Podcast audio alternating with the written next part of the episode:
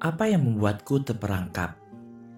Selasa 16 Agustus bacaan Injil diambil dari Matius 19 ayat 23 sampai dengan 30. Yesus berkata kepada murid-muridnya, Aku berkata kepadamu, sesungguhnya sukar sekali bagi seorang kaya untuk masuk ke dalam kerajaan sorga.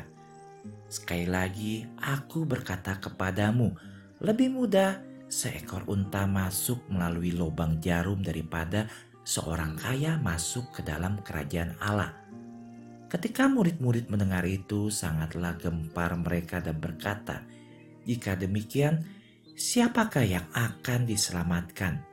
Yesus memandang mereka dan berkata, "Bagi manusia, hal itu tidak mungkin, tetapi bagi Allah, segalanya adalah mungkin." Sahabat, satu-satunya ambisi beberapa orang adalah untuk memiliki sebuah barang atau banyak barang.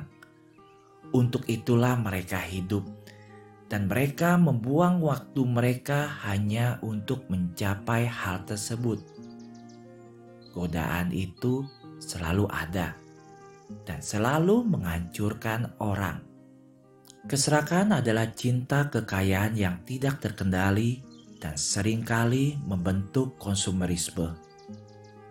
Perusahaan perikanan menghabiskan miliaran untuk menemui selera kita untuk membeli sesuatu bahkan walaupun kita tidak membutuhkannya.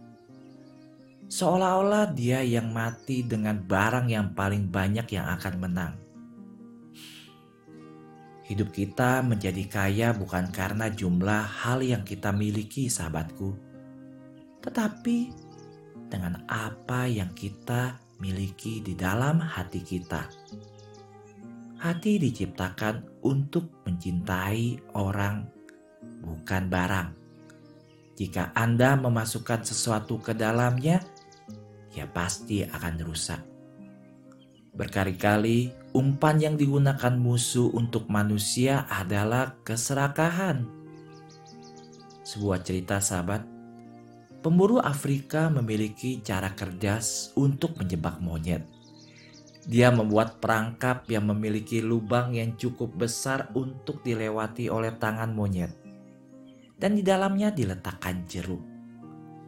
Monyet menyelipkan tangannya melalui lubang kecil, meraih jeruk dan mencoba menariknya untuk keluar dari lubang.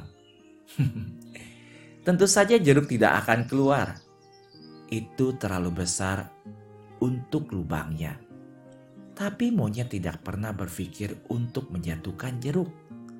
Selama kepalanya tetap mengegam jeruk, tangan monyet akan tetap terjebak.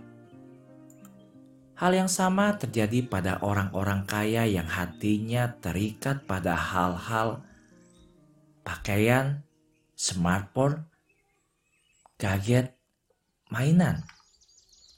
Hatinya terbungkus oleh banyak hal dan tidak akan pernah melewati gerbang surga yang sempit. Mereka mungkin mengingatkan kita juga pada Gollum, makhluk yang tidak bahagia di Lord of the Ring yang hidupnya hanya terobsesi dengan sebuah cincin yang berharga. Apakah sahabat ingat? Sebagai budak cincin yang menyedihkan, dia akhirnya terseret ke dalam api karena harta karun itu.